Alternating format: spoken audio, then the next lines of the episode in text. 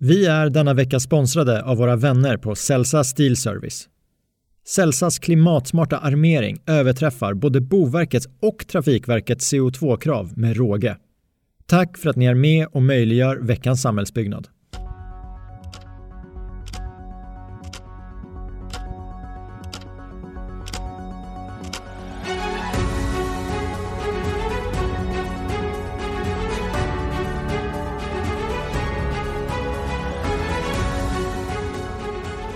Morsning korsning, varmt välkomna till veckans samhällsbyggnad. Nima Sadi är här tillsammans med er. Låt oss köra igång. 876 miljarder kronor. Det är vad regeringen sätter den totala ramen till i den nya infrastrukturpropositionen som avser perioden 2022 till 2033. Detta är en ökning med 176 miljarder kronor från ramen i den tidigare propositionen. Med den nya ekonomiska ramen blir det möjligt att bygga de nya stambanorna för höghastighetståg samt att genomföra satsningen på Norrbotniabanan mellan Umeå och Luleå. Nu finns förutsättningar att fullfölja den nationella planen och visa att lagt kort ligger, hälsar regeringen. Lägre utbud än tidigare år och prisförväntningar som minskar, men från en hög nivå. Det är några av slutsatserna i Hemnets analys av bostadsmarknaden under mars. Säljvolymerna fortsätter dock att öka och mars månad hade den näst högst noterade försäljningsvolymen av bostäder sedan Hemnet började registrera statistik. Endast september 2020 låg på en högre nivå. Jämför vi mars i år med mars i fjol, det vill säga precis i starten av pandemin, så ökade antalet sålda bostäder med 41 procent. Wow!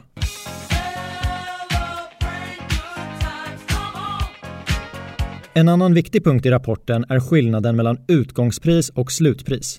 Det gapet fortsätter nämligen att öka.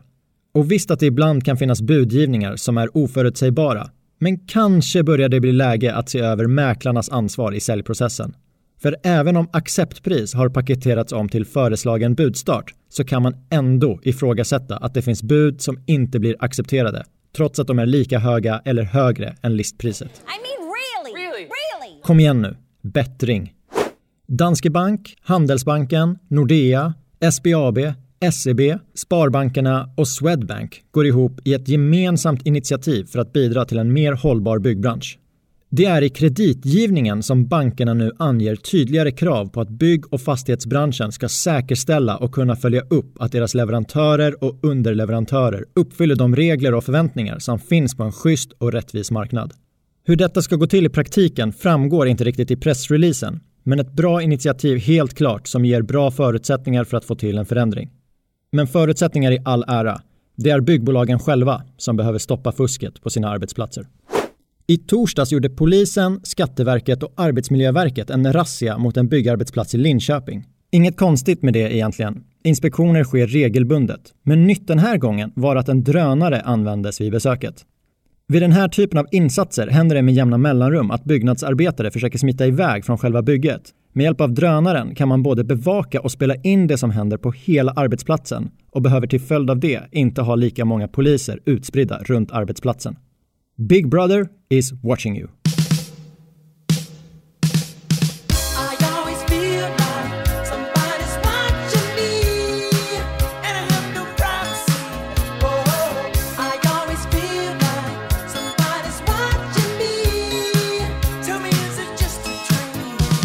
Celsa Steel Service vill påminna alla samhällsbyggare därute om att ställa miljökrav på armering.